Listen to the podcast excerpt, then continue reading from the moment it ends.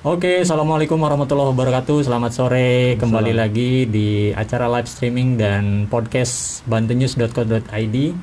Hari ini hari kedua bulan Ramadan. Mudah-mudahan pendengar atau pemirsa Banten News masih semangat di tengah wabah corona saat ini yang masih menghantui Banten. Ini kita sengaja dua-duanya pakai masker untuk menjalankan program pemerintah supaya tidak apa saling menularkan. Mhm. Oke, eh, ya kalau minggu lalu kita sudah mengulas soal riset dalam menulis novel, kali ini eh, kita akan berbicara soal wabah dalam prosa dunia. Nah, sebagaimana kita ketahui bahwa ada beberapa hal yang menggerakkan seorang penulis untuk menciptakan karya sastra. Eh, sebut saja misalnya peristiwa bencana alam, kemudian perang dunia, percintaan dan lain-lain ini eh, menjadi salah satu eh, pemicu lahirnya karya sastra. Nah, sore ini karena konteks kita dalam situasi wabah corona yang sampai hari ini masih eh, berlangsung dan semoga kita sama-sama berdoa cepat selesai. Eh, kita akan menyoal sedikit eh, mengenai wabah dalam prosa dunia. Nah, seperti apa wabah ditampilkan oleh para sastrawan atau penulis eh, di dalam karya-karya mereka. Ada beberapa saya kira eh, karya yang mengangkat persoalan wabah ini menjadi konflik yang begitu memukau dan begitu mengharukan saya kira. Eh, misalnya saya sebut misalnya ada eh, Sampar atau La Peste karya Albert Camus, kemudian Gabriel Garcia Marquez juga menulis soal kolera. Love Time in the Cholera. Kemudian ada juga beberapa penulis termasuk Robinson Crusoe. Robinson Crusoe ini selain dia menulis soal eh, sorry so- Daniel Defoe ya. Daniel Defoe selain menulis Robinson Crusoe juga menulis soal eh, Sampar. Nah, ada banyak saya pikir yang eh, menulis soal wabah ini dan akan banyak cerita mengenai karya-karya mereka dan akan lebih menarik. Tapi tidak akan mungkin kita akan ulas semuanya karena eh, keterbatasan waktu. Mungkin kalau dibicarakan semua tidak sampai selesai eh, tidak akan apa selesai sampai sahur nanti. Baik, saya sudah ditemani oleh seorang dosen dari Universitas Sultan Ageng Tirtayasa. Beliau adalah dosen saya waktu di Untirta, eh, Pak Arif Senjaya. Nah, dulu saya masih ingat dulu novel pertama yang beliau rekomendasikan untuk dibaca yaitu Iwan Simatupang, Ziarah. Itu novel sedikit kurang ajar karena bikin pusing tapi juga lucu. Nah, itu sampai hari ini saya masih terkenang novel Ziarah. Ya. Selamat sore Kang Arif. Sore. Ya, eh, Assalamualaikum semuanya. Waalaikumsalam warahmatullahi wabarakatuh. Puasa ya, Kang? Insyaallah. Oke. Baik, Kang Arif, kalau kita bicara soal wabah dalam prosa dunia, apa yang kira-kira Kang Arif mau sampaikan? Atau ada karya yang berkesan nggak sampai hari ini untuk dibagikan Ya. ke pembaca Bantu News? Sebelum sampai pada pembahasan beberapa karya, saya kira Hmm. perlu dihayati oleh khususnya para peminat sastra bahwa Hmm. Eh, persoalan wabah di dalam sastra dunia sebenarnya tidak banyak dibicarakan. Hmm. Eh, karena itu, kurang ajar karena karena itu yang sedikit eh, menjadi sangat penting. Hmm. Misalnya eh, Love in the Time Cholera, Hmm. kemudian dalam kaitan dengan tema corona ini saya kira yang paling representatif memang adalah Sampar ya. Hmm. Yang di Indonesia dulu saya baca terjemahan N. Hadini Ya. Dari karya Prancis Laves ya. Hmm. Eh, karya Albert Camus. Hmm. Eh, tapi jauh sebelum itu sebenarnya saya pernah mendiskusikan bahkan eh, mungkin juga pernah mau menggarap saya lupa lah Hmm. drama Sampar karya Albert Camus. Ada Tapi dramanya ya? Ada ya? drama, Oke. tapi itu tidak sama dengan novelnya. Jadi mungkin Hmm. banyak orang berpikir bahwa drama ini adalah adalah pendramaan dari novel Sampar gitu. Hmm. Padahal tidak ada hubungannya. Beda. Mm. Hmm. jauh lebih teatrikal gitu si eh, memang dibuat untuk teater dan Hmm. tokohnya pun lain settingnya lain Hmm. Eh, itu di Spanyol kalau Sampar yang drama tiga tiga drama tiga trilogi drama ini kemudian kalau Sampar itu kan settingnya Algeria Hmm. Aljazair Aljazair. Aljazair itu masih wilayah Afrika Hmm. Nah, jadi jauh sebelum kita membahas itu, menurut saya perlu dipikirkan oleh pemerintah khususnya bahwa Hmm. inilah pentingnya membaca karya sastra. Hmm. Sampar khususnya nanti yang kita lihat di Albert Camus, sesungguhnya sudah memberi pelajaran berarti tentang Ya. bagaimana sebuah kota, pemerintahan, eh, gerak politik, media, eh, dokter semua ada dalam kebingungan gitu ya. Hmm. Ya. Artinya kalau tradisi membaca sastra menjadi tradisi kita semua, sebenarnya tidak ada kebingungan. Toh kita sudah belajar dari kebingungan di masa lalu. Ya. Kalau kita tidak membaca sastra, eh, kita menjadi sangat euforia, gugup, eh, cemas dan lain-lain seperti yang saya saksikan belakangan Hmm. sepanjang wabah ini. Saya tidak gugup karena Hmm. karena tahu gitu ya, itu kan sudah kisah lama di Ya. di beberapa naskah pernah saya baca. Artinya saya sudah belajar lama dari karya sastra gitu. Hmm. Nah, sayang sekali bahwa pengalaman membaca sastra ini tidak menjadi bagian dari tradisi masyarakat dunia, khususnya Indonesia dan mungkin juga Banten dalam hal ini. Ya. Nah, mudah-mudahan eh, dengan diskusi kita kali ini eh, kita dapat melihat dokumen yang jauh lebih mendalam ketimbang suara-suara eh, jumlah kematian, Ya. jumlah yang sembuh dan seterusnya gitu ya. Hmm. Seakan-akan tidak ada lagi obat ba- hiburan bagi kita sekarang selain menyaksikan itu. Hmm. Eh, menurut saya kita bisa membaca karya sastra Hmm. tidak hanya karena persoalan wabah tapi ia terus meneruskan tradisi membaca sastra supaya kita belajar memahami dunia dengan lebih baik. Karena kelebihan sastra itu jauh lebih kompleks ketimbang eh, risalah kesehatan misalnya ketimbang jurnal ilmiah ketimbang catatan sejarah. Karena s- sastra itu sejarah yang juga mengandung kompleks psikologi, kemudian pengamatan yang lebih intim, kemudian eh, sesuatu yang sifatnya belak-belakan, kemudian simbol, nah, simbol dalam sastra itu kan mengandaikan ada tahapan membaca bahwa Hmm. ya simbol itu tidak di, tidak dibaca oleh semua kalangan, tapi dibaca oleh pembaca dengan level tertentu gitu. ya. Ya. Misalnya lapis itu bisa dibaca oleh anak SMA saya kira sebagai pembelajaran bagaimana orang-orang di Algeria begitu bingung menghadapi menghadapi eh, sampar ya. Hmm. Kemudian tapi misalnya para mahasiswa sudah bisa membaca novel ini sebagai novel yang politis gitu. Hmm. Para dosen membaca lebih lain lagi. Jadi artinya novel yang baik itu memberi tidak sekedar informasi tapi juga pelajaran yang tiada henti. Hmm. Nah, eh, jadi tadi sudah diingatkan oleh pembawa acara Hmm. Wahyu yang dulu juga saya bimbing skripsinya. Hmm. Eh, kemudian juga sama tertarik dengan dunia sastra dan filsafat. Jadi banyak ngobrol dengan saya.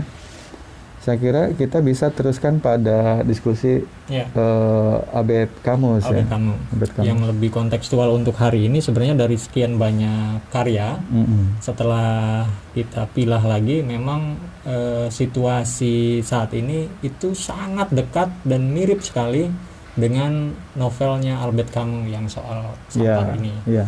dari mulai tadi kegagapan pemerintah kemudian eh, ketidaksiapan dari berbagai instansi dan lain-lain dan kebingungan publik bahkan tenaga medis sendiri eh, mengalami kebingungan seperti itu. Ya. Nah, ini saya pikir Kang sangat mirip sekali dengan Ya situasi itu Indonesia saat betul ini. betul sangat mirip. Misalnya ketika kan ada seorang dokter ya, namanya dokter dokter Yux. ya. Hmm, Nah dokter ini kan dokter yang penuh dedikasi. Dia dia dilukiskan di awal novel itu kalau tidak salah. Dia punya pasien seorang tua. hmm. Pasien ini bukan pasien mm, sampar ya, tapi pasien apa? Sesak napas, Ya, asma. asma, asma. Yang pasien pertama itu asma. Nah, di- kalau kita melihat melihat eh, siapa pasien ini bukan pasien yang kaya kan? Bukan. Dia pasien dari pinggiran kota, miskin, pensiunan apa gitu. Hmm. Dan dokter Yux ini adalah dokter yang dilukiskan oleh kamu sebagai dokter yang punya perhatian pada manusia gitu. Ya. dia tidak punya obat memadai tapi dia bekerja untuk manusia maksudnya tetap berkunjung dengan rutin ke pasien-pasiennya gitu Hmm, hmm. nah karena kebiasaan dia berkunjung ini kebiasaan dia mengontrol sanitasi bahkan dan lain-lain Hmm. bersilaturahmi di tengah kota itu dia tahu loh fakta yang sebenarnya tentang orang-orang bertumbangan karena sampar saat itu Hmm. karena itu dia mendesak seorang yang pimpinan dia di wilayah kedokteran namanya Richard ya Ya. kira-kira idenya gitu Idenya Oran ya. Oran. idenya Oron nah nama Nah. kota, yang menjadi latar uh, novel sampar ini adalah Oron Hmm.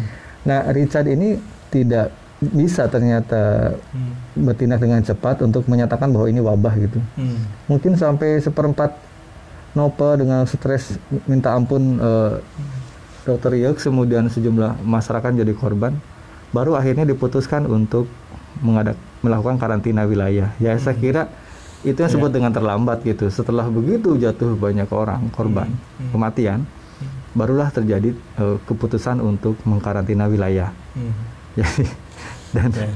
dan karantinanya itu mengerikan kalau tidak salah di lukisan oleh kamus itu Ya. begini. Jadi mendadak sekali dilakukan, entah apa juga saya lupa itu. Hmm. Yang jelas gejala yang ditunjukkan oleh kamus dalam ini bahwa pemerintah itu tidak ambil pusing dengan apa pun yang Ya.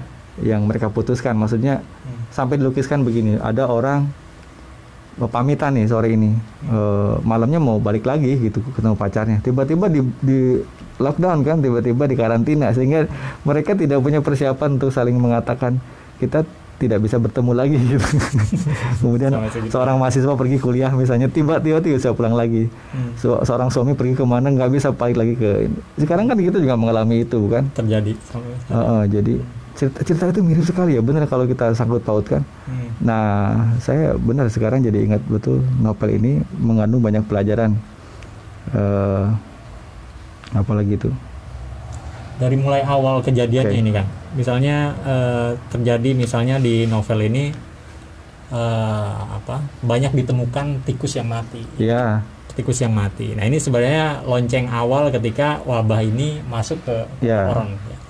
Artinya pemerintah harusnya gesit kan? mestinya gesit saat itu. Tapi kan santai semuanya Ah, gitu. kemudian berita itu di apa fenomena itu kemudian ditangkap oleh dokter Yops kemudian dia mencoba menganalisa Hmm. setelah fenomena kematian tikus yang begitu berlebihan di kota itu sampai kemudian dia menyampaikan ke petugas eh, apa petugas kebersihan kota sana untuk membersihkan tiap subuh ya Iya, subuh iya benar. eh, bangkai tikus itu karena sudah mengepung kota dan Hmm. ini dinilai sudah tidak wajar sampai si siapa Pak Michael Pak Michael ini Penjaga gedung. penjaga gedung penjaga gedungnya dokter Riox bekerja ini dia eh, bilang waktu itu dengan ke dokter Riox bahwa tidak mungkin ada tikus di sini. Karena Ya, kalaupun ada tikus masuk ini adalah orang yang iseng kemudian membawa ke situ Ya. bangkainya. Ternyata ditunggu ditunggu.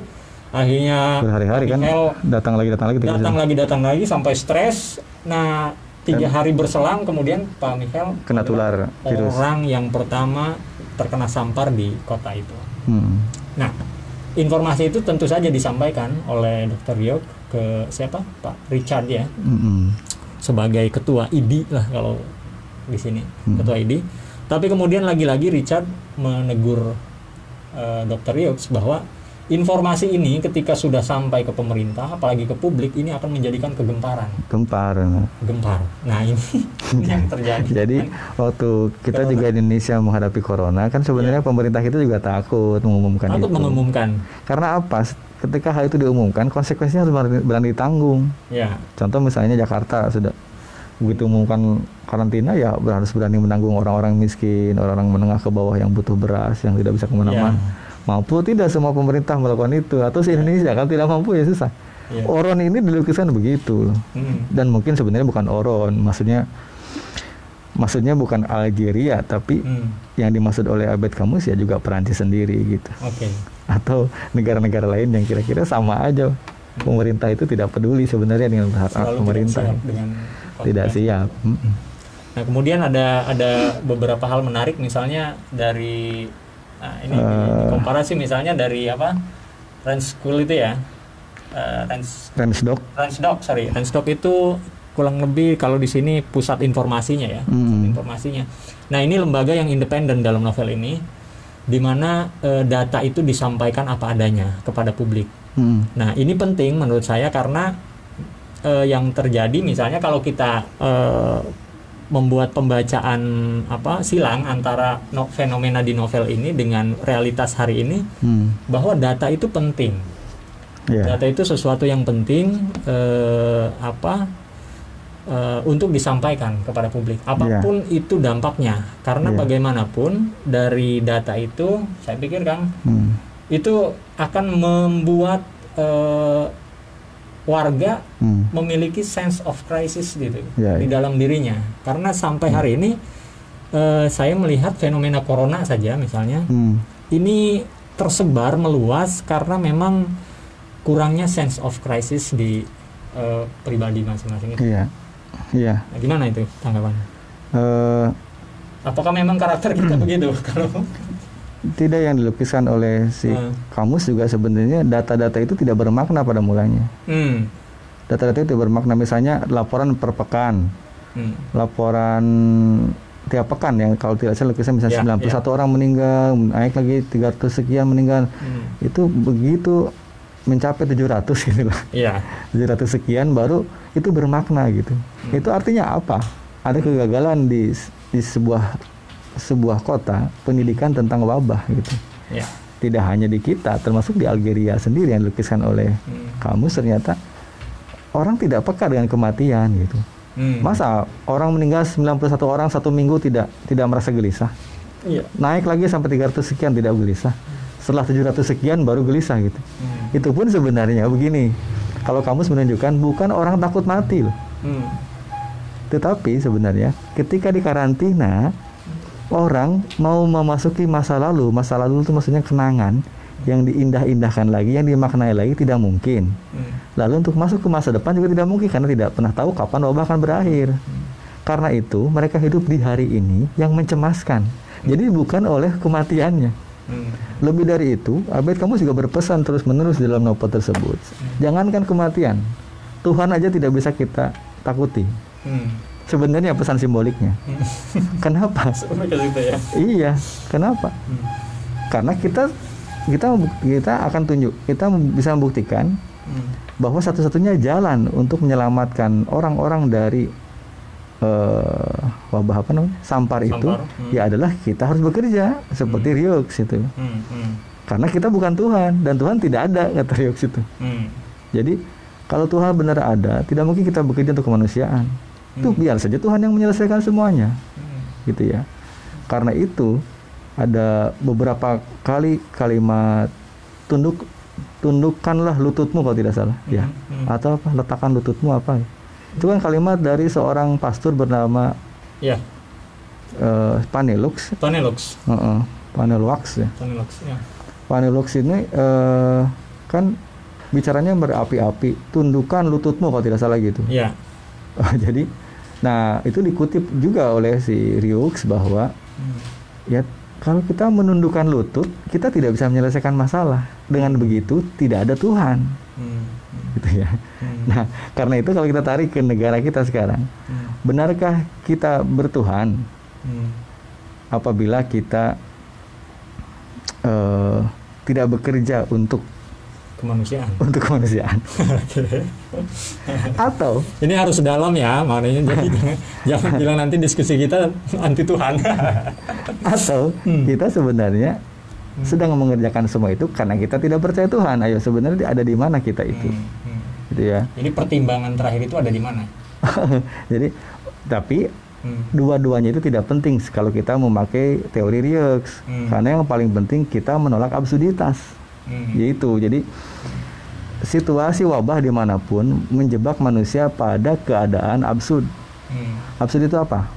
Secara umum absurd itu gini loh. Absurd itu membingungkan, eh, mengambang dalam situasi wabah misalnya. Hmm. Hmm. Tidak jelas. eh, kemudian, eh orang itu kemarin sehat, kema- sekarang tiba-tiba kena corona dan langsung ambruk. Itu kan kayaknya lucu gitu ya. Hmm. Nah itu juga masuk dalam situasi absurd. Hmm. Ada misalnya kita berkata orang gila aja di pinggir jalan tidak Kena kenapa kenapa. itu juga bagian dari guyonan absurd loh Hmm. sebenarnya. Hmm. Nah situasi absurd itu ditolak oleh Ryux. Hmm. Tidak boleh kita merayakan itu. Hmm. Ya, kan ada beberapa tokoh saya kira Taro atau siapa yang cara berpikirnya sudah lu jalani saja iya ya Taro itu kan Taro, dia mau Taro. Dia menyerahkan diri gitu. Hmm. menjadi uh, uh, apa namanya relawan relawan lah gitu ya itu relawan dengan alasan bahwa dulu yang bekerja keras di Persia nah jadi di Persia beberapa tahun yang lalu ada wabah juga. Hmm. wabah yang sama sampar. Mereka yang bekerja untuk kemanusiaan mencuci mayat-mayat itu tuh sebelum dikuburkan Hmm. mereka malah tidak mati. Hmm. jadi karena itu hadapilah nah Ryuk tidak setuju. Itu namanya membenarkan absurditas gitu bukan begitu juga maksudnya kata dia jadi jangan udah terlalu ekstrim Heeh. menarik garisnya tuh berpikirnya sehat tuh Hmm. jangan karena di Persia ada mitos begitu Hmm. Jangan juga karena belum ada obatnya. Jangan karena eh, vaksin dari Peran- dari Paris Hmm. tidak jelas juga dikirim ke Ya. dan seterusnya. Jangan karena semua itu kita menjadi absurd. Hmm. Satu-satunya jalan kita tetap bekerja untuk melayani manusia. Begitulah kata Ryux. Itu Ya. pesan-pesan mendalam Ryux itu yang gila menurut saya yang Hmm. susah kita mengerjakannya gitu. Bahkan dia harus mengatakan si Pinilux itu pendeta si pastor itu Hmm. tidak pernah melihat orang mati di depannya. Hmm. Kan dia sahabatnya tuh. ya Dia tidak pernah melihat seorang pun sekarat di depannya kan begitu. ya Karena itu dia ngomongnya soal kebenaran terus. Maksud kebenaran di sana saya kira adalah ya kebenaran kitab gitu, kebenaran agama. Padahal dalam situasi wabah kita jangan lagi ceramah, tapi tindakan gitu. oke Nah. ini menarik ini Jadi Ya. ini saya, saya kira semua orang sekarang dalam situasi absurd. Hmm. Serius, Ma- misalnya membayangkan mudik saja, orang terjebak di antara sedih dan juga lucu. Anehnya kita nggak bisa mudik sekarang, ya ada dua-dua gitu loh. Seakan-akan menghibur diri dengan kenyataan tersebut. Gitu. Karena tidak mungkin mudik, karena kalau mudik akan karantina di, di daerah. percuma juga balik ke rumah 14 hari nggak ke mana-mana Ketika tidak mudik ada rasa sedih, tapi juga melucu-lucu terus soal itu gitu. Ya. Ya, saya sudah mengundurkan diri dari Facebook beberapa bulan ini Hmm. dan jejak terakhir saya ingatan saya ngomong wabah di Facebook khususnya Hmm. itu kan diwarnai juga oleh canda-canda Ya. sekaligus hoak dan hal-hal lain yang sifatnya menyerang pemerintah gitu. ya Nah itu kan juga situasi absurd menurut saya. Hmm. Alih-alih alih-alih bertindak kita ikut membantu seseorang, ikut katakanlah menyumbangkan beras kita malah sama-sama bergunjing. bergunjing gitu loh. di medsos Iya. Nah agamawan, ilmuwan, Hmm. kemudian profesor, dokter dan lain-lain yang dikutip di dalam dalam novel Abed Kamu sebenarnya semua orang yang Hmm. ada dalam situasi absurd kecuali Ryuk saya kira gitu. ya Dia lah yang yang berpikir dengan bening. ya Ya, masih bisa mem- melihat persoalan dengan bening ya di tengah situasi chaos. Tapi pertimbangan Riox ini kan kalau tidak soal agama kan tadi misalnya disebutkan. eh nah ini selalu ada model-model misalnya s- yang semacam siapa Pastor Penelope ini ya. Hmm. Jadi seolah-olah mengaitkan antara fenomena alam, bencana, wabah, dan Azab, lain-lain. azab, hukuman Tuhan. dengan kutukan Tuhan dan lain-lain. Iya. Nah ini kan sering kita dapati juga di masyarakat Sering. kita. Iya. Jadi seolah-olah eh, hal itu merupakan eh, apa kemarahan Tuhan. Iya. Nah kemarahan Tuhan di tengah kondisi masyarakat. Sebenarnya orang Indonesia ini Tuhan nggak marah juga hidupnya udah udah nggak. Sebenarnya Jadi kalau mengaitkan itu bahwa virus ini katakanlah Azab. corona ini azab kemudian kemarahan Tuhan kan akan lebih sadis menurut saya. ya itu kan hanya diucapkan oleh kalangan yang tidak membantu. Oh, Kalangannya tidak turun tangan. Dekaden ya. Misalnya gini loh, mungkinkah Hmm. Anda yang bekerja di sebuah ruang isolasi Hmm. melihat orang sedang sesak napas, Hmm. melihat orang sedang bersedih mengatakan itu Ya. tidak mungkin loh. Hmm. Mau tega tidak? Misalnya ibu kamu kena eh, apa sekarang?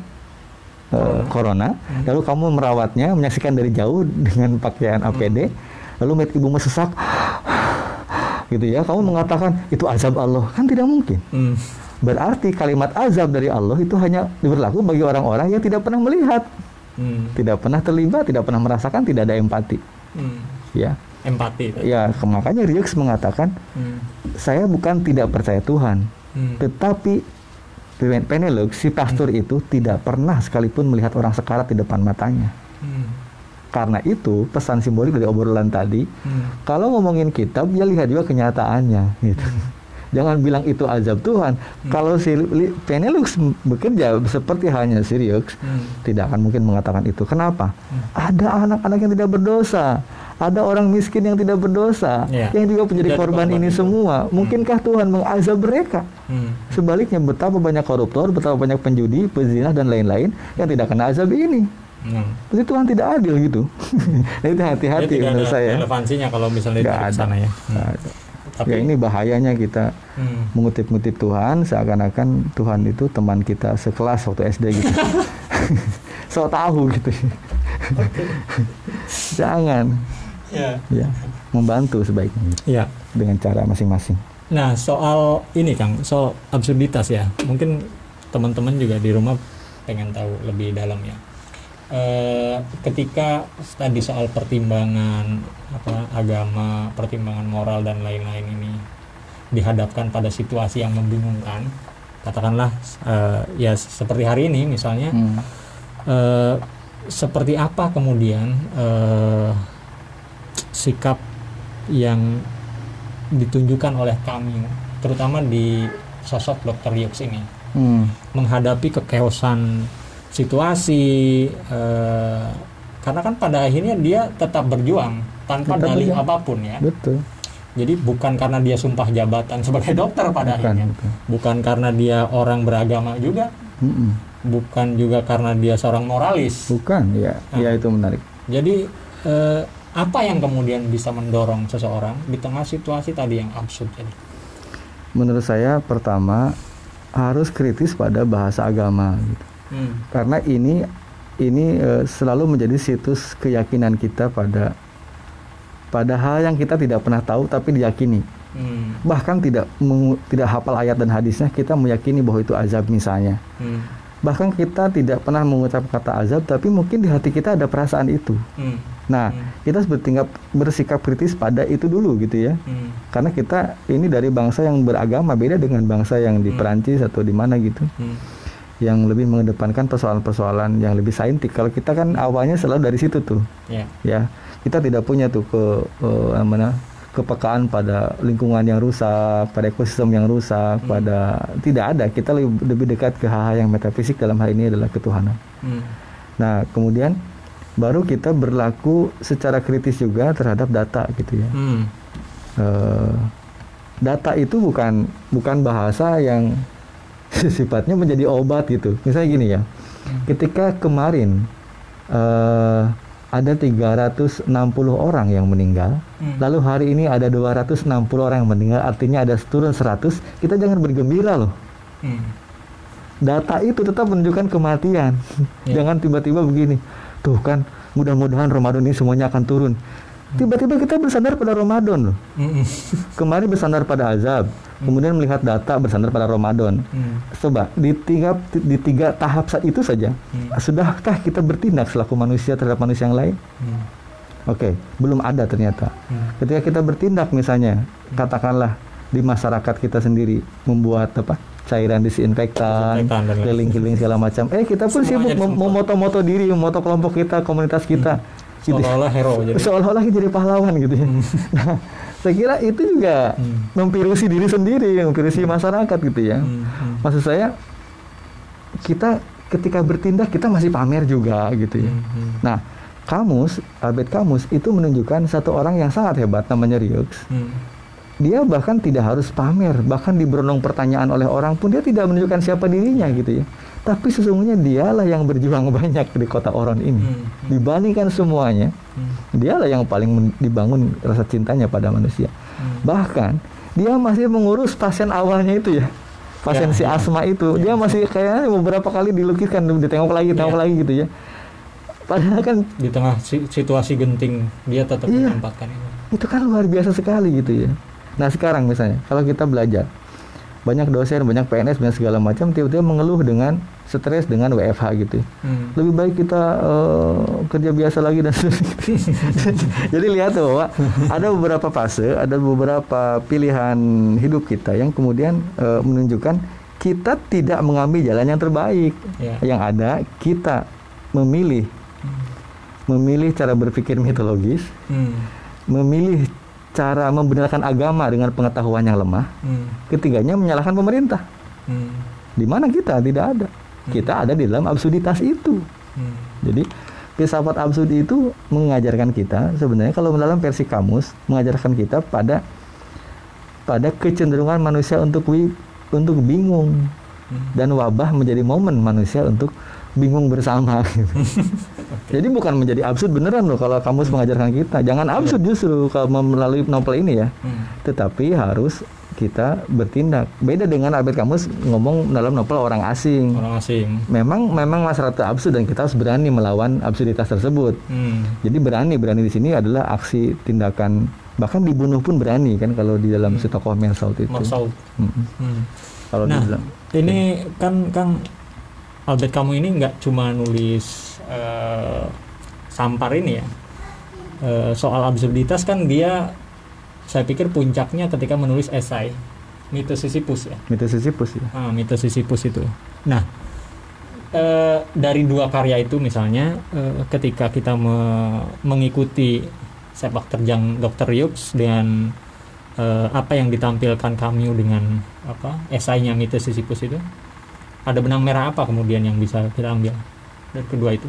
Kita tahu kan Sisyphus ini kan dia Iya. menjalani kutukannya dengan tabah dengan mendorong batu ke atas bukit kemudian jatuh lagi dan toh Iya. itu kehidupan gitu dan harus dijalani Tapi esai tersebut memang esai yang selalu inspiratif, kemudian Hmm. ter- sifatnya terbuka Hmm. dan tidak pernah bisa dengan mudah disimpulkan gitu ya. Hmm. Karena keterbukaannya ini. Hmm. Albert Camus sendiri kan tidak membuat kesimpulan maka harus begini maka harus begitu, tidak. Itu khasnya Albert Camus loh. Hmm, hmm. Albert Camus itu benar-benar menahan diri untuk mengatakan itu. Semua semua diberi, diberi porsi gitu untuk bicara. Hmm. Nah, kalau masuk ke dalam mitosnya itu, dia sebenarnya hanya ingin mengatakan memang kita itu seperti si sang dewa Sisyphus itu yang dihukum gitu semacam itu. Hmm. Kita mengerjakan sesuatu yang rutin, Hmm. rutinitas misalnya mengajar balik mengajar balik, kemudian kita ada dalam situasi seperti sang dewa yang dikutuk. Hmm. Kita sekarang WFH misalnya buka laptop lagi, cari sinyal lagi terus begitu terus absen lagi, absen datang, absen pulang, apa segala macam. Tiba-tiba jadi rutinitas lagi. Kita sama-sama dikutuk gitu. Hmm. Eh, bagian dari itu ya betul. Jadi memang inti atau awal sekali renungan Albert Camus adalah pada ternyata manusia itulah adalah makhluk yang membosankan Hmm. dan membiarkan diri dalam kebosanan, Hmm. mengutuk diri dalam kebosanan, Hmm. gitu ya. Dan tidak mau berani lepas dari itu. Hmm. itu ya kalau kita masuk ke dalam novelnya yang eh, orang asing misalnya semua orang kan ada dalam konvensi hidup ya ada dalam aturan moral yang tetap Hmm. bahkan aturan tangisan pun harus tetap gitu Hmm. ada orang mati harus nangis itu seperti aturan yang baku gitu untuk melawan itu orang harus siap mati loh Hmm. Ya si Mesot itu kan dihukum masyarakat karena dia tidak nangis ketika ibunya meninggal Hmm. kemudian dia masih pacaran ketika ibunya meninggal dan menunjukkan gejala-gejala lain yang tidak waras sehingga orang ketika menemukan kesalahan kecil dia mengutuk dia Hmm. gitu ya. dan bahkan mendukung hukum untuk eh, menjatuhkan hukuman mati pada Melsaut padahal Melsaut itu adalah sesungguhnya justru manusia dalam versi Hmm. kamus. Karena Melsaut tidak hidup berdasarkan hukum yang baku seperti Sisyphus gitu. Hmm. ya gitu ya. Ya Nah, bahaya wabah membuat kita terjebak dalam absurditas eh, yang lebih lebih mengerikan gitu ya. Karena orang jenuhnya tidak lagi di dalam pekerjaan, tapi di rumah jenuh gitu. ya nah ini ini yang yang kita alami belakangan belakangan ini iya, jang- jangan-jangan membaca Facebook, membaca apa medsos juga sebenarnya kita dalam bukan membuang jenuh, tapi justru memasuki jenuh gitu. Sampai Iya. tahu loh, misalnya si A tuh pasti ngomong apa hari ini, si B pasti ngomong apa, si C ngomong apa. Sampai tahu bagian pola pola obrolan teman-temannya sendiri di Facebook itu artinya kita sudah dalam dalam dalam mite tadi gitu dalam keadaan Iya. eh, si siapa Sisyphus tadi Sisyphus. Ya. Ya, eh, kalau berbicara soal tadi eh, apa? Situasi yang dialami di Kota Oron ini ya saya melihat sama dengan situasi kita Sangat, hari sangat ini. Jadi banyak kebingungan, ya, kecemasan, kereta yang ditutup bis-bis beri- yang di ya informasi yang ditutup. Kemudian saya baca beri- eh, kemarin laporan terakhir di VOA itu hampir 40 jurnalis juga dilaporkan oleh Donald Trump karena terlalu banyak mengungkap informasi yang dianggap membuat resah. Oh. Itu juga ya. Jadi memang apa yang kita alami hari ini itu sangat mirip dengan eh, kota Oron tadi. Hmm. Banyak hal yang bisa kita ambil dari cerita ini. Belum lagi kalau kita menyinggung soal eh, Garcia Marquez misalnya dari apa Ya, of Time in Cholera ini. Ini banyak juga cerita-cerita yang menarik. Kisah cinta sepanjang kolera ya. Kisah cinta sepanjang wabah kolera. Coba kolera. Ah, nah ini juga menarik. Eh, tapi teman-teman eh, apa apa yang kita obrolkan tadi sebenarnya ini hanya pemantik saja Eh, di tengah kejenuhan di rumah. Saya pikir ada sesuatu yang bisa kita bicarakan. Eh, mudah-mudahan teman-teman justru bisa masuk dan bisa menikmati sendiri ya, Kang. Iya, eh, pengalaman-pengalaman yang bisa belajar bisa belajar banyak hal dari dokumentasi sastra. dokumentasi sastra. Jadi fenomena sosial apa yang kita hadapi hari ini. Jadi saya juga masih teringat dengan beberapa apa novel dan film yang pernah kita saksikan ya. Hmm. Uh, jadi seolah-olah kita diingatkan lagi dalam situasi tertentu sehingga kita punya kepekaan tadi, punya kepekaan dan uh, sikap yang yang apa istilahnya sudah pernah diambil tokoh-tokoh tertentu pada bacaan kita yang lalu. Iya. Jadi itu yang membuat kita tidak terlalu bingung dan lebih agak tertolong untuk membunuh rasa Hmm. jenuh. Iya, iya. Mungkin itu. Iya. Baik teman-teman, eh, obrolan kita sebenarnya makin menarik, tapi karena waktu yang terbatas dari sekian apa pemaparan tadi, terima kasih Pak Arif sudah Oke. hadir sore ini, sudah memberikan apa pencerahan-pencerahan untuk kita. Hmm. Eh, bertemu lagi di program selanjutnya. Saya Wahyu Arya. Terima kasih. Assalamualaikum warahmatullahi wabarakatuh.